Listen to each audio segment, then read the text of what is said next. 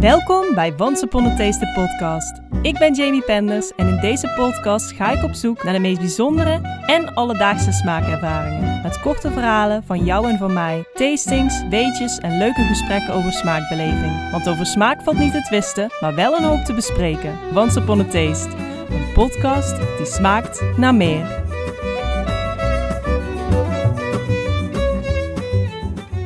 We leven in een digitaal tijdperk waarin we graag delen wat voor lekkers we allemaal eten en dat is een groot privilege. Want wat voor voedingsmiddelen je kunt kopen hangt voor een groot deel af van hoe gevuld je bankrekening of portemonnee is. Geld en vooral het gebrek daaraan is een groot taboe onderwerp, waar niet vlug over gesproken wordt aan de keukentafel. Maar dat betekent helaas niet dat het daarom niet vaak voortkomt. In 2022 leefden 358.000 mensen in de bijstand. Armoede heeft een enorm effect op smaakbeleving. Vandaag ga ik in gesprek met Lenneke Manschot over welk effect opgroeien in armoede heeft gehad op hoe zij smaak toen en nu ervaart. In 2018 zegde Lenneke haar huur en haar baan op en kocht een huis aan de andere kant van het land. Met 0 euro op haar spaarrekening, een verse hypotheek en het plan om teksten te gaan schrijven nam ze de tijd om opnieuw te beginnen.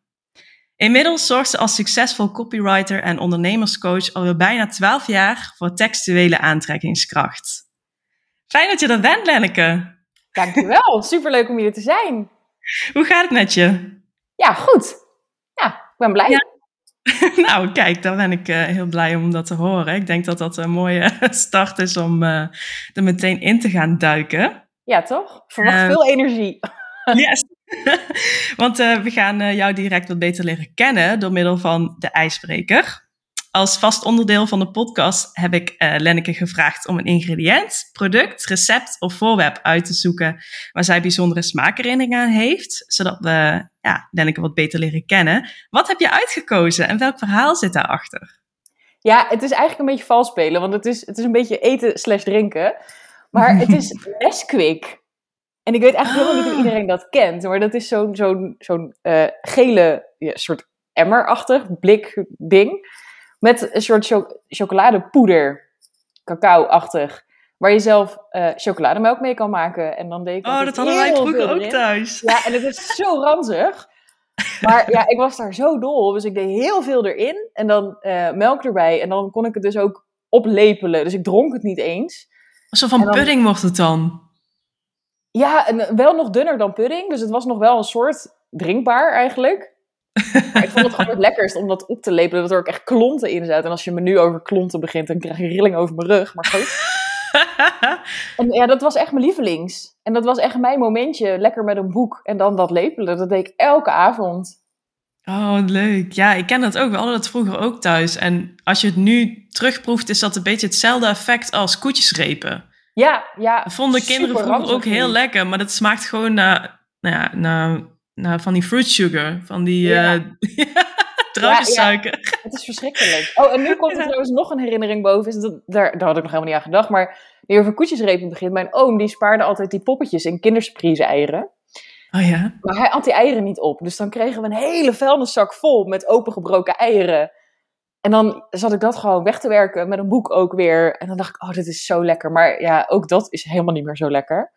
Oh, what a dream trouwens. Want ik, uh, ik was ook altijd gek op die kindereieren. maar ik vond die speeltjes niet zo interessant. Ik dacht dat het waarom maken ze dit niet zonder? Maar blijkbaar zijn dat gewoon die reepjes.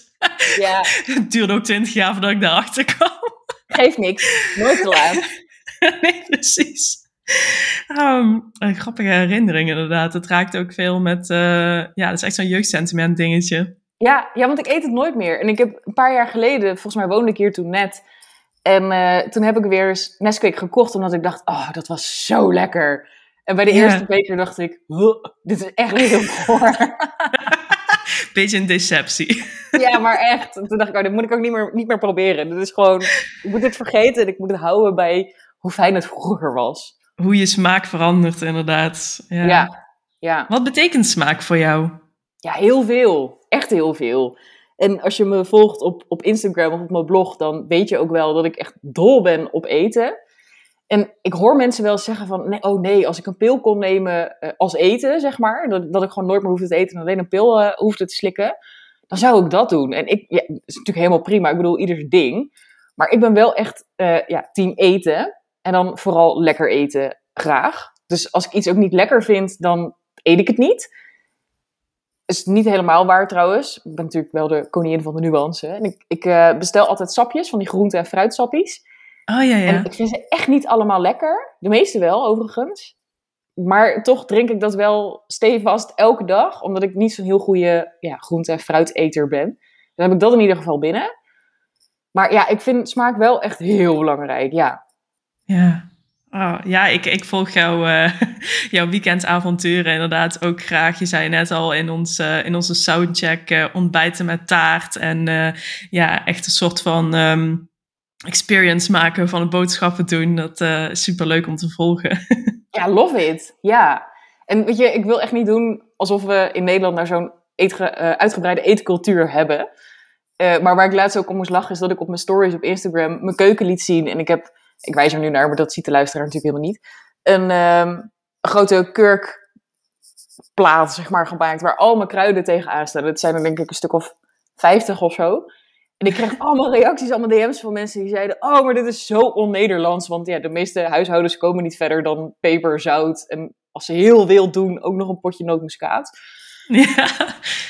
Maar in Nederlandse cultuur is natuurlijk weer wel dat we heel veel vieren met eten. Dus ja, het is uh, bijna Pasen. Dus de winkels liggen weer stampvol met, met koeken die dan speciaal voor Pasen zijn gemaakt. En ja. paaseitjes. En hetzelfde geldt voor kerst en voor Sinterklaas. Maar ook op verjaardagen staat eten natuurlijk centraal.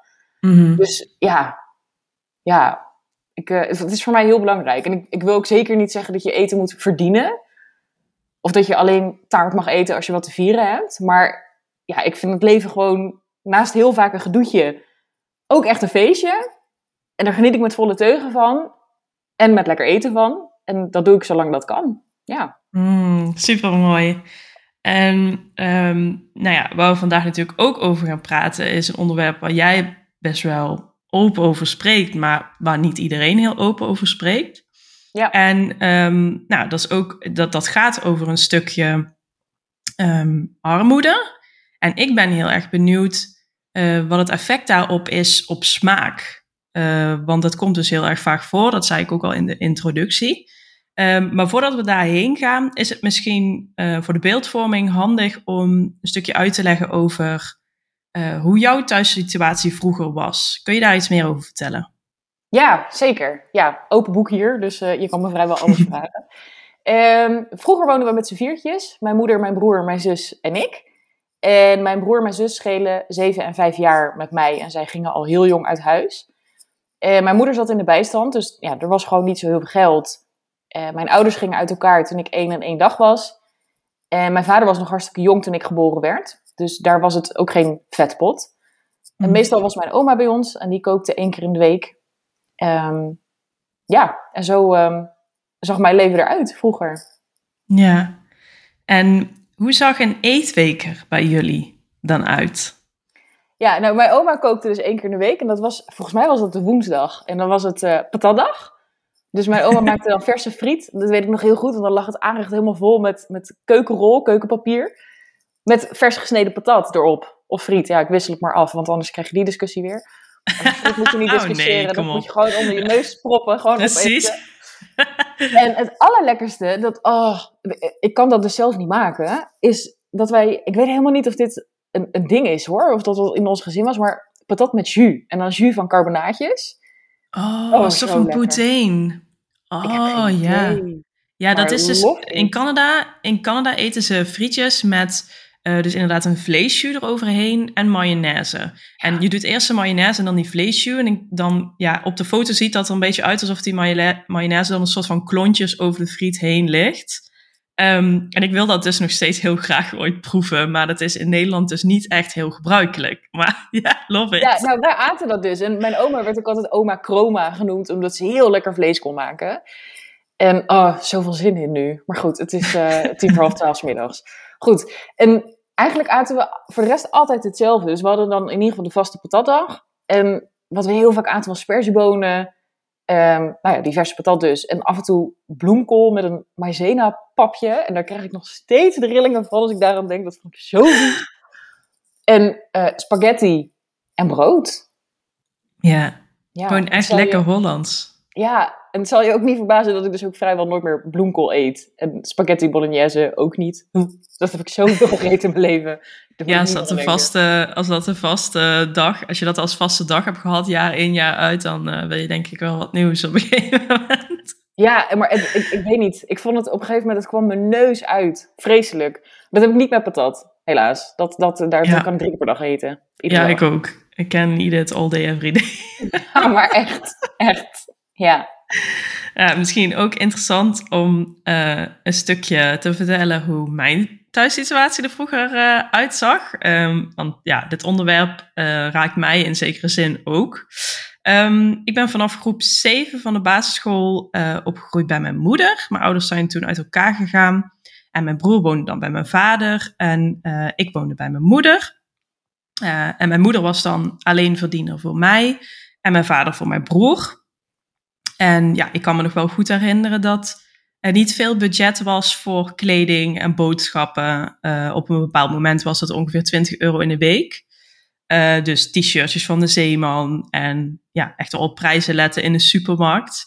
Eh, ik was daar destijds als kind tevreden mee, want ik denk ook dat het gewoon is wat je gewend bent. Al was het soms wel lastig dat je dan bijvoorbeeld, ik moest dan aan mijn vader vragen om schoenen als ik die nodig had, eh, wat ja, wel lastig is.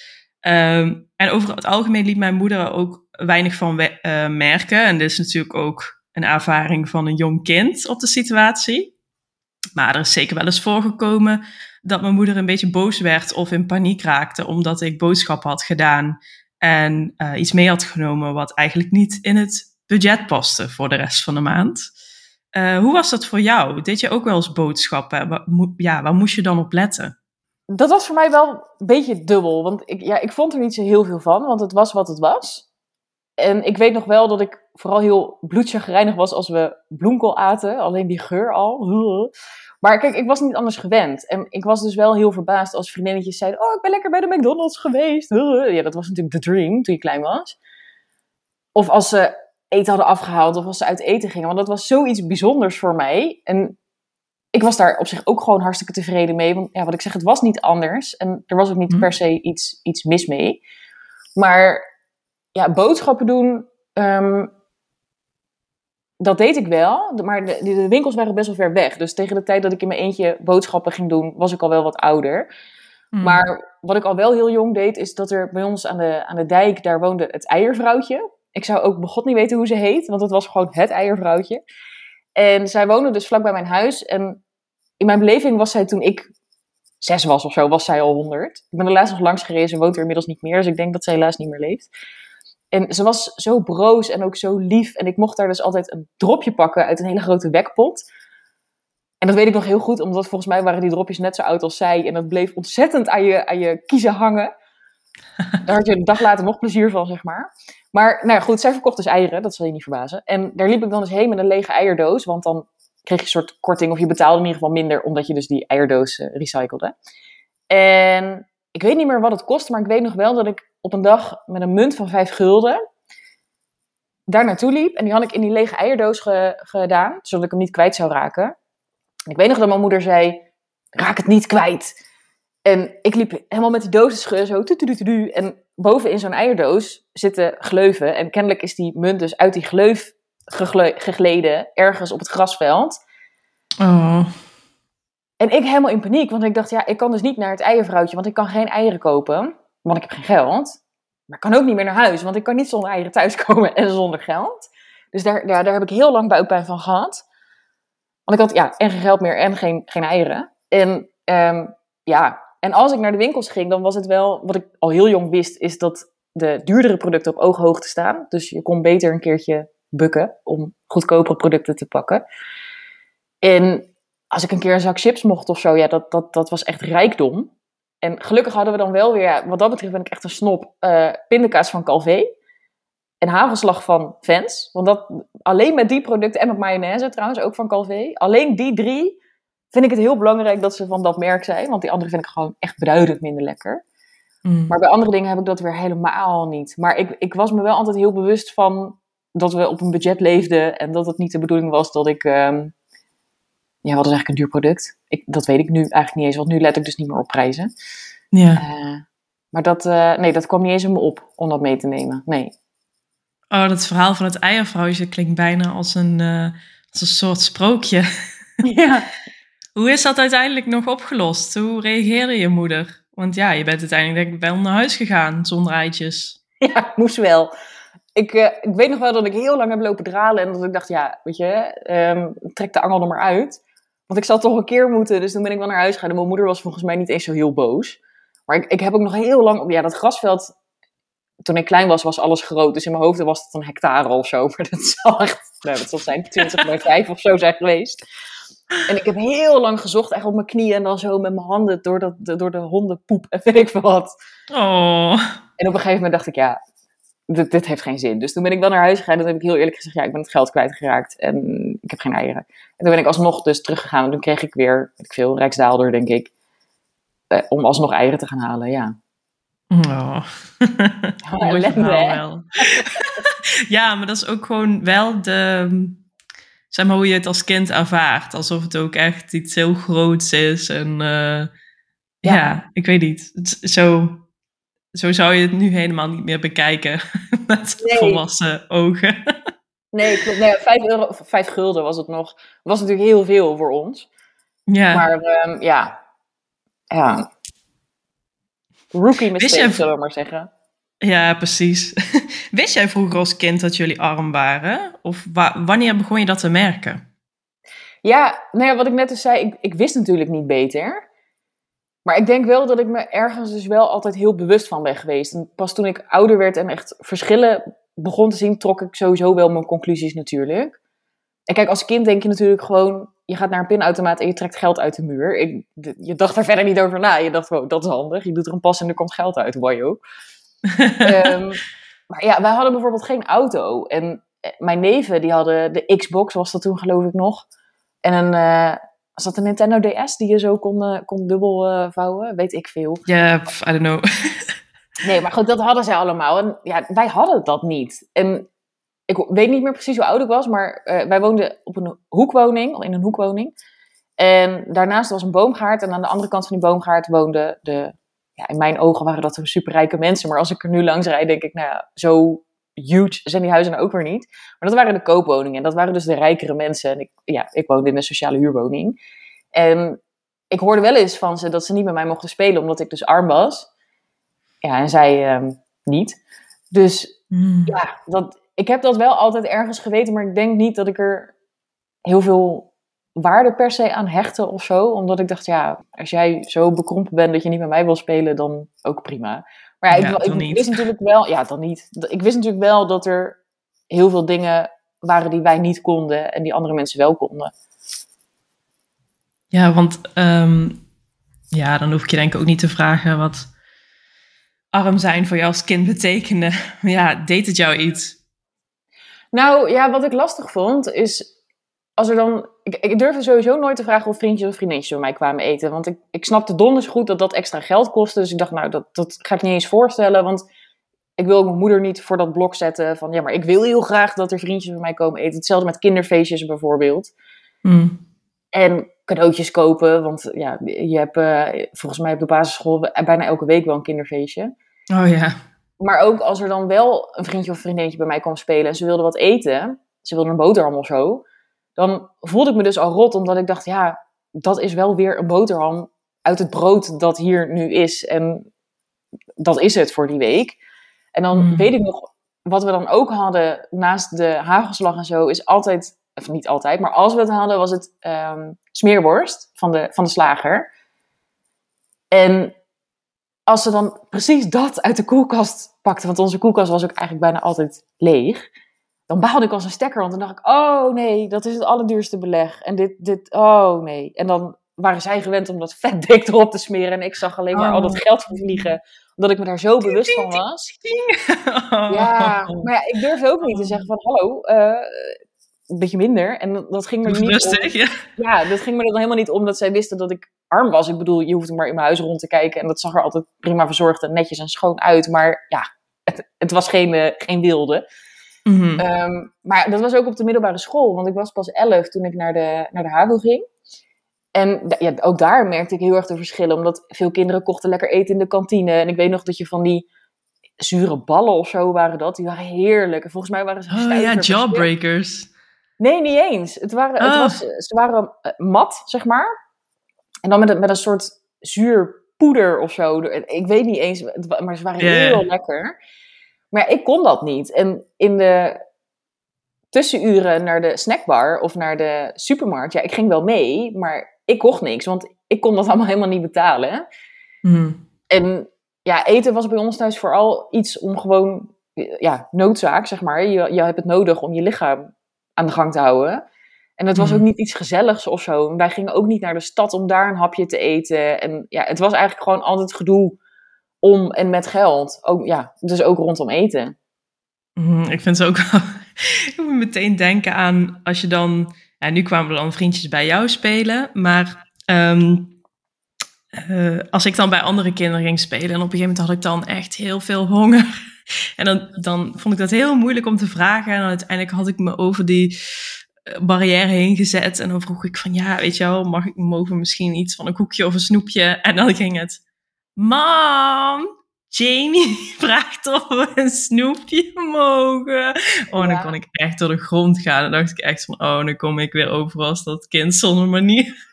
Ja, ja, ja, en wat ik me ook nog kan herinneren is dat ik bij een vriendin was. En toen was ik daar en toen vroeg ze, kom je bij ons eten? Blijf je eten? En dat vond ik dus ook lastig, omdat ik wist, ja, mijn moeder die staat thuis met, met de spersiebonen. En dan kom ik niet en dan eet ik het niet op en dat is weggegooid geld. Dus dat vond ik al heel lastig. Hmm. Maar als ik dan een keertje dacht van, ja, jammer dan, dan eet ik het morgen wel op.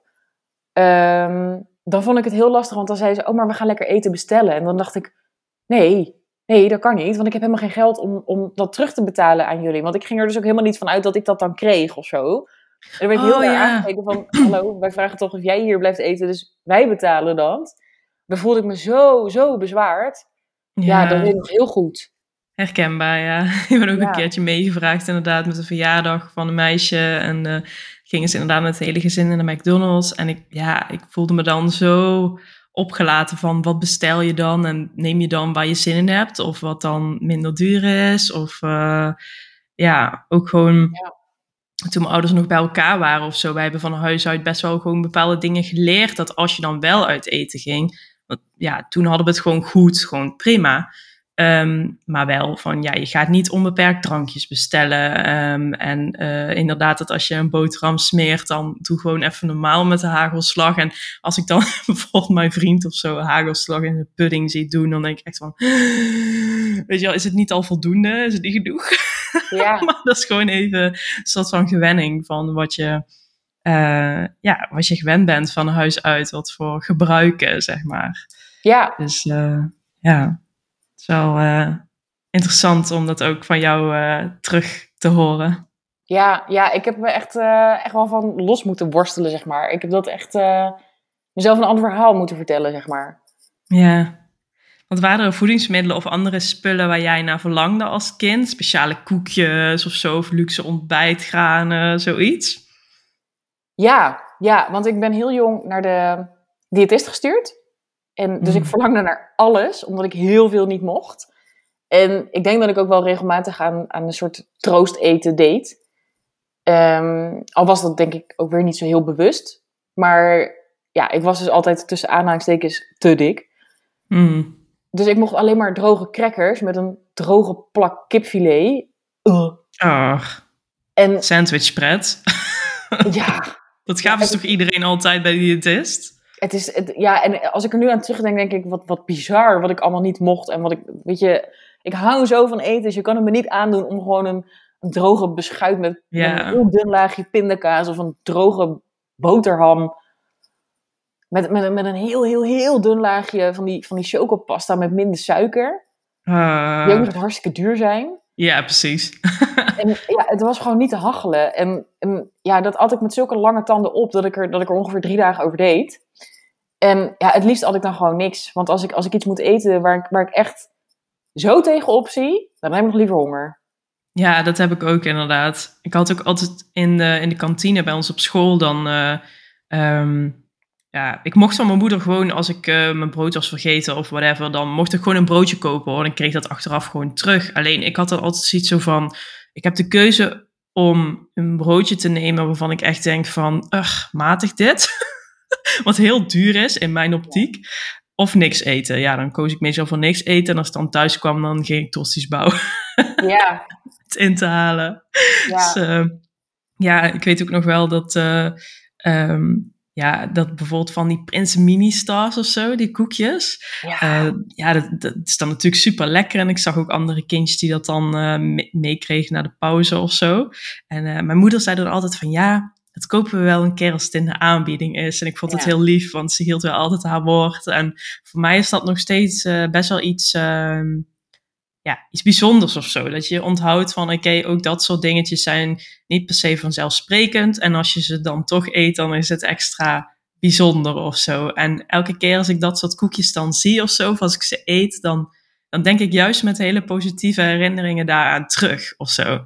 Ja. Niet van, oh, het geld was er toen niet, maar gewoon echt van, oh ja, wel? Dat was dan echt een tractatie. Ja, snap ik. Ja, dat heb ik met, ik weet niet eens of dat nog bestaat, maar we hadden schoolmelk. En dan ging Oh, ik, zat dan op een school waar je om kwart over twee uit was, dus zo'n continu rooster, geloof ik. En dan kwamen ze smiddags, bij, volgens mij bij 12 uurtje dan, zo heette dat bij ons, eh, kwamen ze melk rondbrengen. En dat vond ik zoiets luxe, want ja, ik was dat helemaal niet gewend. En op een gegeven moment mocht ik dat, volgens mij in groep 8 of zo. En dat, daar heb ik nog wel van- waarvan ik dacht: oh, nu hoor ik er wat dat betreft dus wel een keertje bij. ja. Maar, en eigenlijk was dat hartstikke ranzig. Maar ja, Gewoon het ritueel eromheen is. eh, ja, ja, dat vond ik heel stoer, dat weet ik nog. Ja, God waar we milk. het over? Melk. Ja, Ja. Eh, op welke manier heeft opgroeien in de bijstand effect gehad op jouw relatie met eten? nou, dat heeft mijn relatie met eten best wel verstoord, moet ik heel eerlijk zeggen. Ehm, omdat ik heb heel lang gedacht dat als ik de kans kreeg om dus anders te eten. Dus ja, wij bestelden dus nooit eten. En uit eten gaan was echt was een hele happening. Dus dan at ik gerust de hele dag niks om me daar dus vol te kunnen proppen.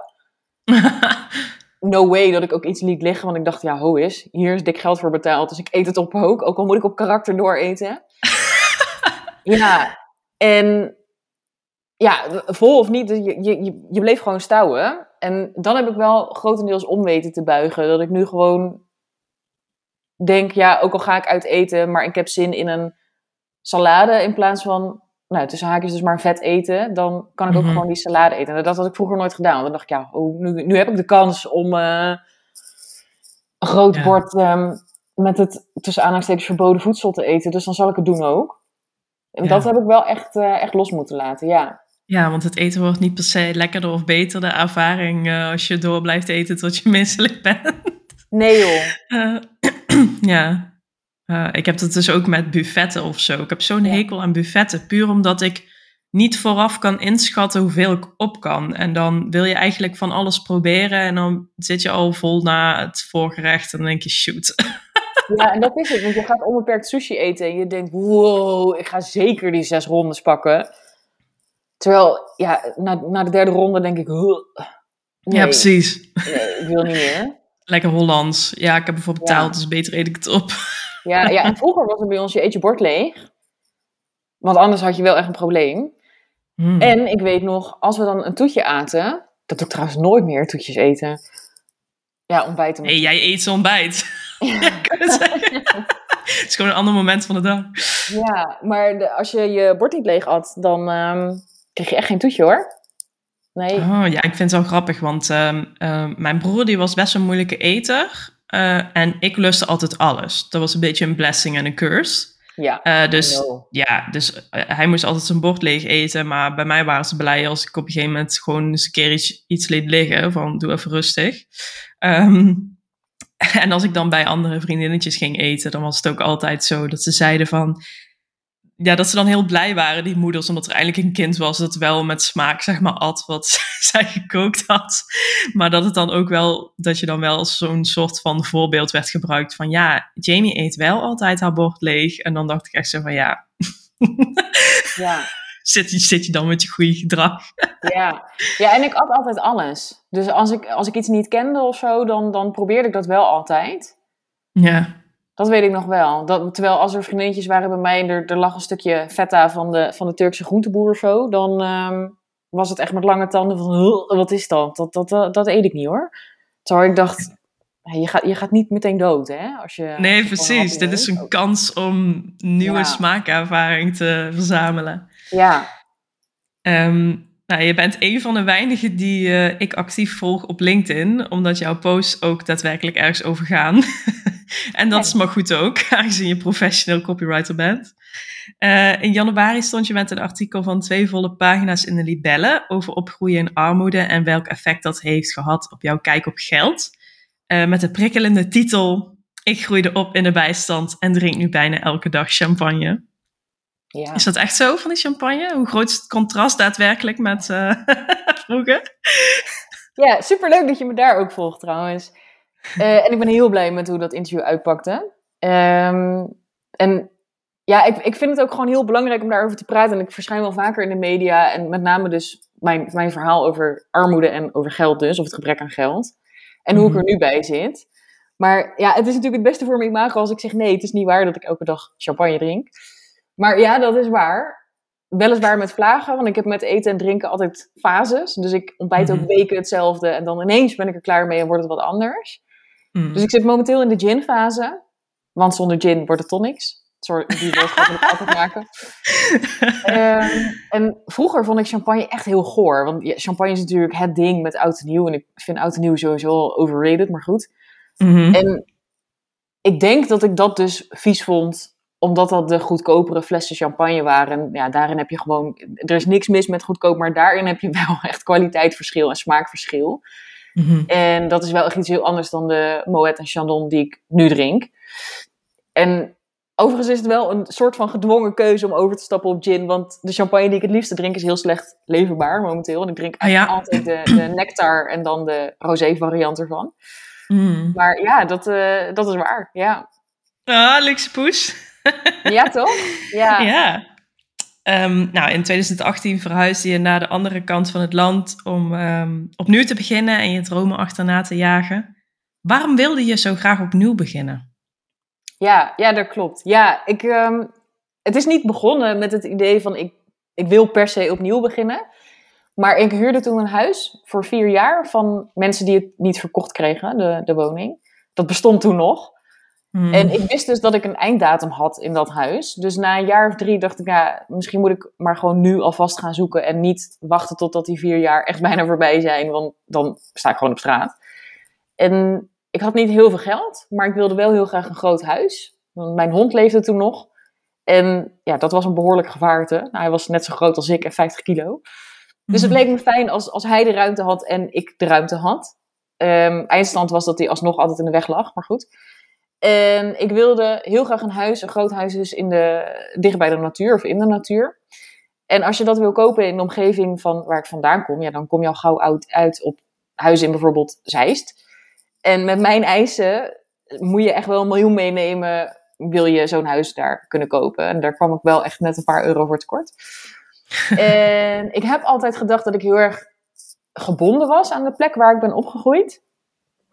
Dat ik daar verknocht aan was. En toen ik besefte van, hé, hey, dat, dat is eigenlijk niet zo. Toen ja, kon ik gewoon mijn, mijn zoekgebied vergroten. En toen kwam eigenlijk meer ook het gevoel van, het zou ook wel lekker zijn als ik gewoon alles fysiek achter me kan laten uh, om ontslag te nemen en, en volledig voor mezelf te gaan werken. Mhm. En ja, ik, in die tijd, dat was in 2018, ik, ik kende mezelf toen nog helemaal niet zo goed. En ik was in therapie en ik was een enorme pleaser en ik deed vooral wat mensen van me wilden. En na een jaar therapie dacht ik, het zou eigenlijk wel goed zijn als ik me daarvan kan losworstelen.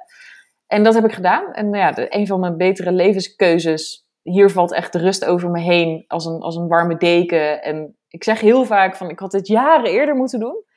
Maar dat is ook weer niet helemaal waar, want toen was ik er nog niet klaar voor. En ja, in 2018 dacht ik, um, ik ga alles achter me laten en, uh, en ik ga toch opnieuw beginnen. En uh, nu zit ik hier en ben ik heel blij. Ja, schone lei. ja. En ik quote even een ander stukje van jou uit dezelfde LinkedIn-post. Makkelijk geschreven nu, en dat is lang niet altijd zo geweest. Als je altijd hoort dat je nooit een kwartje wordt, dat je alleen met geld geld kan maken en dat je niet over je financiën praat, of je nou wel of geen knaken hebt, dan kun je twee dingen doen. Bij de lege pakken neerzitten of, dat in mijn geval laaiende vuur in je borst luisteren, dat je vertelt dat je het anders wil. Wat ben jij anders gaan doen? Veel, heel veel. En ik ga niet in details treden, maar laten we het erop houden dat ik uh, bepaalde patronen doorbroken heb. En ik heb mijn verantwoordelijkheid genomen en ik heb altijd heel hard gewerkt. En uiteraard ook een portie geluk gehad, want het leven is gewoon ook niet zo maakbaar als dat we graag willen geloven. De omstandigheden moeten ook allemaal kloppen. Hmm. En ik blog al sinds 2011. Ik heb schoongemaakt in het ziekenhuis, wat vreselijk goor was, maar wat wel heel goed betaalde. Ik werkte vijf dagen in de week bij de politie en de zesde en soms zelfs zevende dag bij Kruidvat. Vooral de zondagen waren top, want ik kreeg 200% uitbetaald. Zo slim was ik dan ook alweer. maar met het risico nu arrogant gevonden te worden, ik vind het leven zonder geld gewoon niet leuk. En juist daarom leer ik dus ook ondernemers nu om, om je zo te vermarkten en, en een kopie te schrijven waarmee je goed geld verdient. Omdat ik, ik zie zoveel mensen die maar net het hoofd boven water kunnen houden of net niet. Maar geld opent zo vreselijk veel deuren. En zoals gisteren, ik wilde wegrijden en mijn auto maakte een heel raar geluid. Toen dacht ik, hmm, dit is niet goed. Een heel klein stukje gereden en toen ging het heel erg stinken. En toen dacht ik, oh, dit is echt niet goed. toen heb ik de ANWB gebeld. En er is een veer afgebroken. En dat betekent dat ze maandag mijn auto komen afslepen en dat die gerepareerd moet worden. En vijf jaar geleden zou ik daar echt letterlijk ziek van zijn geweest. Omdat ik, ik wist gewoon van gekkigheid niet waar ik dat van moest betalen en, en hoe ik dat moest betalen. En geen geld hebben levert zo vreselijk veel stress op. Ja. En nu heb ik gewoon mijn andere auto uit de garage gepakt en ben ik alsnog weggegaan. En geld hebben, het leven is gewoon echt veel makkelijker als je geld hebt. En dat idee had ik vroeger dus al, omdat ik, weet je, het is gewoon niet leuk om naar de stad te gaan, niks te kunnen kopen. Wat, wat doe ik? Ik hou sowieso niet van shoppen, maar goed, wat doe ik in een stad als ik, als ik wat, wat ga ik doen dan? Rondlopen, want dan hmm. kan ik ook gewoon in mijn eigen buurt. En vroeger was ik me er dus al zo van bewust dat het leven gewoon leuker is als je niet krom hoeft te liggen voor een nieuwe broek. En dat je gewoon eten kan bestellen als je te lui bent om te koken. En dat je geen euroknaller hoeft te halen in de stad, omdat je een degelijke lunch, tussen aanhalingstekens, niet kan betalen. En op een terrasje neerploffen, ja, dat, dat, dat, dat kwam niet me op. Want waar, waar deed ik dat dan van? Geen idee. Want ik moest al een strippenkaart hebben om met de tram naar de stad te gaan. En die waren, weet ik hmm. veel, 7 euro of zo. Nou, dat, dat was al best wel veel. Ja. Dus ik wist toen al dat ik rijk wilde worden. En ik had niet per se een idee van wat rijk was, maar in ieder geval dat ik dus niet elk dubbeltje om hoefde te draaien. En hoe ik dat ging doen, wist ik nog niet. Maar ik snapte wel dat ik niet voor een baas moest blijven werken tot aan mijn pensioen. En ik heb de verhalen die ik altijd hoorde, dus dat een dubbeltje nooit een kwartje wordt en dat je alleen met geld geld kan maken, ehm, dat heb ik omgebogen. Omdat ja, door, door steeds kleine en ook grote stappen trouwens uh, te zetten, bouwde ik aan het vertrouwen dat ik, dat ik wel goed geld kan verdienen. En ik kom ook helemaal niet uit een ondernemersfamilie of zo. En uh, die stappen, die, die leer ik je trouwens ook in mijn, uh, mijn nieuwe training. Wat moet dat kosten dan? Um, dus als je daar benieuwd naar bent, buy it. Maar um, ja, veel coaches gaan er natuurlijk helemaal prat op dat je uit je comfortzone moet stappen. Maar dat is allemaal zo makkelijk nog niet. Dat is makkelijk gezegd. Maar als jij er gewoon best wel comfortabel bij zit, waarom zou je dat dan doen? Dus toen ik verhuisde naar de andere kant van het land en daar zat zonder vangnet en zonder spaargeld, maar wel met een hypotheek, ja, ik moest wel. Dus ik moest geld verdienen om, om mijn rekeningen te betalen. En, en ja, om maar even bij het, uh, het taste gedeelte te blijven van de podcast, om, om te eten. En bij voorkeur dus lekker te eten. Mhm. Dus dat maakt het wel makkelijker. En ik zou niemand per se aanraden om gewoon ontslag te nemen en te gaan. Want ja, mhm. het, als jij je daar niet veilig bij voelt en als het je zoveel stress geeft dat je geen geld hebt, moet je dat vooral niet doen. Maar ja, ik heb mezelf daarin wel echt gepusht. Omdat ik dacht, ik, ik vind het leven gewoon niet, niet leuk. Als ik, als ik niks, als je altijd stress hebt, als je, weet je, er gebeurt altijd wat waarvan je denkt, oh, de wasmachine stuk, ja, en nu? Ja, ik vind daar niks aan. Nee, het is ook een gek ding wat dat doet met, ehm, ja, een soort van hoe je naar geld kijkt of zo. Want ik heb ook echt wel rare beslissingen gemaakt of zo door geld of zo. Dat ik zelf uh, mijn all-risk verzekering voor mijn auto, uh, dat ik de dekking omlaag ging halen, omdat ik dan per maand uh, geld bespaarde. Terwijl als iemand nou mijn auto in de prak rijdt, ja, dan kan ik voor de kosten opdraaien. ja. Of um, niet naar de tandarts gaan. Of geen psychische hulp zoeken, omdat je dan je all-risk aan moet raken. Um, ja, dat soort dingen. Terwijl um, ja, en dat je dan bijvoorbeeld voor hetzelfde geld wel, weet ik veel, uit zou geven aan een vakantie of um, dat soort dingen. Dus ja, wat je eigenlijk ziet als geldprioriteit. Dus dat vind ik inderdaad ook een heel interessant ding. En ik denk waar, ja, waar eigenlijk heel veel mensen tegenaan lopen. Of je nou een gevulde bankrekening hebt of niet. Ja. Um, ja, maar dat is het. Kijk, toen mijn, toen mijn hond overleed, toen Vince overleed, daar was ik echt kapot van. En ik heb twee maanden bijna niet gewerkt. En de luxe om dat te hebben. Kijk, bij een baas hoef je echt niet aan te komen met... Uh, ik ben er even twee maanden niet, want mijn hond is dood. Die zegt dan, uh, boeien. Ehm, maar dat ik de ruimte had om, om gewoon de tijd voor mezelf te nemen. En ook nog wel een leuk verhaal daarover trouwens, over wat eten voor me betekent, is dat ik de dag nadat Vince overleed, uh, was er een vriendin met mij en wij gingen naar Zutphen. En wij belanden daar bij toeval bij de Italiaan. En ik had de hele dag niks gegeten. Anderhalve dag eigenlijk al, omdat als ik verdrietig ben, dan, dan kan ik bijna niet eten. En uiteindelijk had ik zo'n honger. En wij zijn daar gewoon het was het eerste wat we zagen, het was rechtdoor, dus wij zijn daar neergeploft en we dachten prima en, en laat het eten maar komen en we zien wel of het wel of niet lekker is. En het was zo gruwelijk lekker dat het echt voelde als een, als een knuffel van binnen. En, maar gewoon, ja, de luxe dat je dat dus kan doen, dat je iets in ieder geval kan doen om, om heel even wat te verzachten of weet ik veel wat, ja, dat, dat, dat vind ik echt rijkdom. Hmm. Ja, dat, en ik vind ook super mooi dat jij dat onderwerp geld bespreekbaar maakt. Want je kunt niet altijd aan de buitenkant zien hoeveel geld iemand heeft. En het kan zelfs soms ook een enorme verrassing zijn voor mensen die heel dichtbij je staan. Want het is ook heel moeilijk om tegen je vrienden te zeggen dat je financieel geen ruimte hebt om buiten de deur te lunchen of een koffietje te doen. Ik merk de afgelopen tijd, nu ik tegen de 30 begin te lopen, ik ben 27 jaar oud, uh, dat bij vrienden thuis afspreken niet meer zo vaak voorkomt. Wat ik absoluut snap. Ik ben zelf ook geen poets bijvoorbeeld. En zo zijn er ook partners om rekening mee te houden. Maar dat betekent vaak dat er wel van uit wordt gegaan dat er budget is om buiten de deur koffie te drinken of te lunchen. Ken je deze situatie?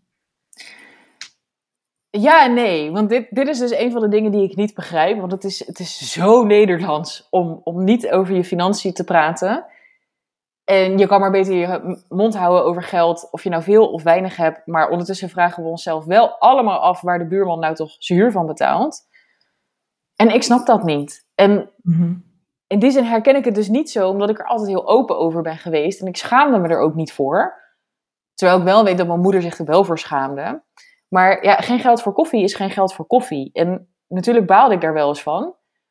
Maar ja, ik maakte wel keuzes, want het was of rijlessen of een avondje stappen. En nu helpt het wel enorm dat ik ook echt wel een, een huismus ben. En dat ik dus niet van shoppen hou. En, en thuis vreselijk goede koffie heb. Met glitters trouwens sinds gisteren. Want ik heb gisteren een potje. En ik weet dat elke Italiaan nu denkt: er hoort geen cacao op cappuccino. Maar dat doe ik toch. Nu met glitters. Dus ik, ik heb elke ochtend feest. Maar ja, in die zin herken ik dat dus niet. Omdat ik denk: als we er nou gewoon wat meer open over zijn, dan kunnen we elkaar ook helpen. En ja, ik snap gewoon niet zo goed waarom we daar niet over praten. En, en hmm. waarom het dus zo'n, zo'n, zoiets gênants is dat je dingen niet kan betalen. Ja, precies. En volgens mij heb je, ja, je vertelde net dat je meerdere baantjes uh, ja, bij elkaar had eigenlijk, of banen. Ja. Volgens mij heb je enorm veel op eigen kracht moeten doen, um, want jouw familie heeft jouw plannen vaak niet ondersteund. Klopt dat? Ja, dat klopt. Ja, ja, ik heb al heel lang geen contact met het grootste gedeelte van mijn familie. En er is wel een bonusvader waar ik, uh, waar ik dol op ben. Maar weet je wat het is? Ik ben al heel jong volwassen geworden. Doordat ik wel voelde dat er dingen nou ja, niet gingen zoals uh, bij anderen. Mhm. En ik heb het altijd alleen moeten doen. Dus wat ik nog steeds aan het leren ben, is om, om hulp te vragen. En, en om die hulp dan ook nog eens aan te nemen. Want dat zijn ook echt twee verschillende dingen. Ja. En ik heb me altijd anders gevoeld. En ik vind heel veel dingen die mensen doen onlogisch. En inefficiënt en zelfs zonde. Dus eh, in die zin is het ook heel lastig om mij te helpen of ja, op mijn pad of met wat dan ook. Omdat ik, ik heb een, een bloedhekel aan ongevraagd advies. Dat vind ik echt, echt een doodzonde. En ik doe de dingen gewoon het allerliefst op mijn eigen manier. Hmm. Zijn er wel dus- mensen of dingen geweest die jou hebben geholpen op je pad? Nou ja, mijn, mijn, mijn psycholoog heeft me dus enorm geholpen. Zij was echt fantastisch en ik ben, ik ben haar echt enorm dankbaar. En en mezelf ook, omdat ik naar therapie gaan was echt het allerbeste, allermooiste cadeau aan mezelf ooit. En zij heeft ervoor gezorgd dat ik aan mezelf durfde te werken. En um, ja, dat, dat heeft me geen windeieren gelegd, nee. Maar ja, wat ik zeg, ik, ik heb geen vangnet of zo. Dus het is, uh, ja, ja. In die zin zou ik het toch alleen moeten doen, ja. ja. En uh, via jouw Instagram-account, freelance, deel je ook regelmatig jouw smaakervaringen. Ja. Van taartjes bij de bakker en boodschappenuitjes in de Duitse supermarkten. Wat zijn voor jou echt gekoesterde smaakrituelen in jouw leven op dit moment die je vroeger niet voor mogelijk had gehouden? Nou, die, die taartjes bijvoorbeeld, die je bijna elke zondag bij mij ziet. Ik, ik rij elke week, elke zaterdag rijd ik naar Arnhem, naar de patisserie, naar Christian op de Steenstraat. Ik krijg er niet voor betaald, helaas. Uh, om taartjes te halen. En die zijn zo vreselijk lekker. En ik, ik haal ook altijd dezelfde, ontbijt ik elke zondagochtend mee.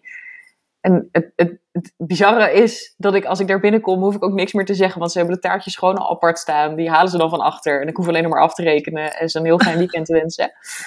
En oh wat dat betreft is, is mijn eten nu echt, echt één groot ritueel. Want in, in de snackbar bestel ik altijd hetzelfde. Bij de Griek, waar ik bijna elke zaterdag eet, hoef ik ook niks meer te zeggen. Wat bestel je daar dan? Bij de snackbar en bij de Griek?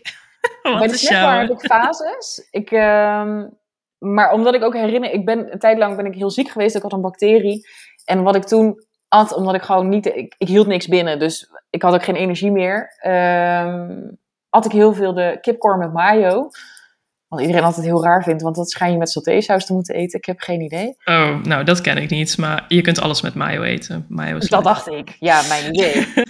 maar omdat ik dan dus terugdenk aan die tijd dat ik zo ziek was, eet ik dat niet meer. Uh, en nu zit ik in de fase een doorgebakken patat. Met veel mayo. Mm. En een frikandel speciaal zonder ui. En bij de Griek hebben ze, uh, dat is de pom gyros box. En dat is dus nou, een, een kartonnen, uh, nou, zo'n walk-to-go idee bak, zeg maar. Met uh, patat, tzatziki, heel veel, gyros, ui en feta erbovenop. En het is, oh, het is zo lekker. Echt, oh, het klinkt heel lekker. Ja, het is fantastisch. Maar daar kan ik elke dag eten. um, maar goed, ja, daar hoef ik dus ook niks meer te zeggen, want zij pakt dat gewoon, of zij maakt dat gewoon. En dan, uh, dan ga ik zitten en dan brengt ze me dat. Maar ook de champagne bijvoorbeeld, die ik uh, nou ja, toch wel vrij regelmatig opentrek. Of ik nou wel of niet iets specifieks te vieren heb. Dat, dat mhm. had ik echt niet voor mogelijk gehouden. En überhaupt koken. Want uh, bij ons thuis werd er nooit uitgebreid gekookt. Ook niet uitgebreid gegeten. Het was gewoon pan op tafel en um, ja, eten maar en, en klaar. Mm het enige ritueel dat we hadden is dat mijn moeder altijd koffie dronk na het eten met een koekje wel altijd dus iets zoets. En nu ga ik hier naar de kaasboerderij, waar ik voor een appel en een ei eh, een zak met allemaal geraspte kazen bij elkaar haal. Om daar zelf een kaasfondue van te maken. Ik, ik kook bijna nooit met, met pakjes en zakjes en dingetjes. Ik wil alles zelf maken. En uh, nu staat mijn stoofvlees bijvoorbeeld alweer op. Die laat ik de hele dag pruttelen in de. Ja. en weet je, ik heb niet voor niks een, een prachtige keuken in mijn huis laten bouwen. En, en ja, een, ik, ik vind het heerlijk om te koken, terwijl ik dat ook van huis uit niet gewend ben. En Maar ook, ja, ik geniet dus ook net zo goed, net zo goed van een spontaan uit eten gaan, wat wij vroeger ook niet deden. Een patatje halen. En wat ik ook heel veel doe, is kant-en-klaar maaltijden halen bij de slager bijvoorbeeld. Dus gewoon een, een goede hutspot. Maar wat ik ook nooit voor mogelijk had gehouden, is dat eten echt mijn liefdestaal is. Dus als ik een, een pan soep heb gemaakt, want op een of andere manier maak ik per altijd 6 liter of zo.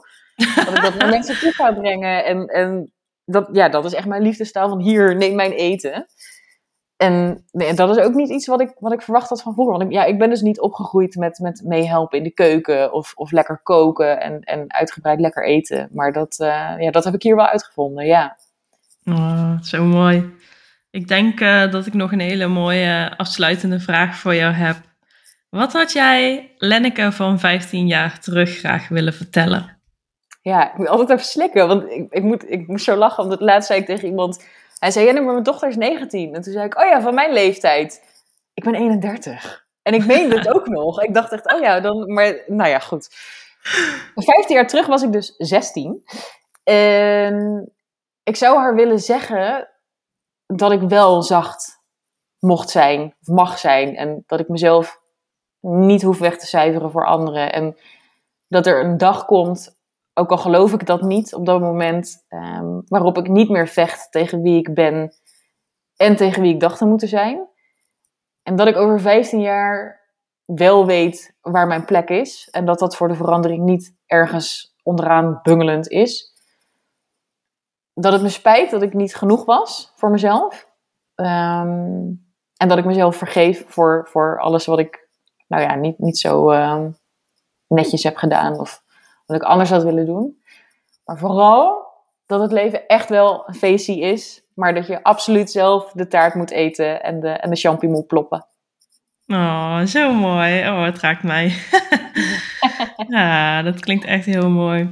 Ik heb uh, een plaatsvervangende trots voor het leven dat jij voor jezelf gecreëerd hebt. En ik vind het super knap en enorm inspirerend dat je ja, je niet hebt tegen laten houden door wie dan ook om het leven na te streven waar jij van droomde.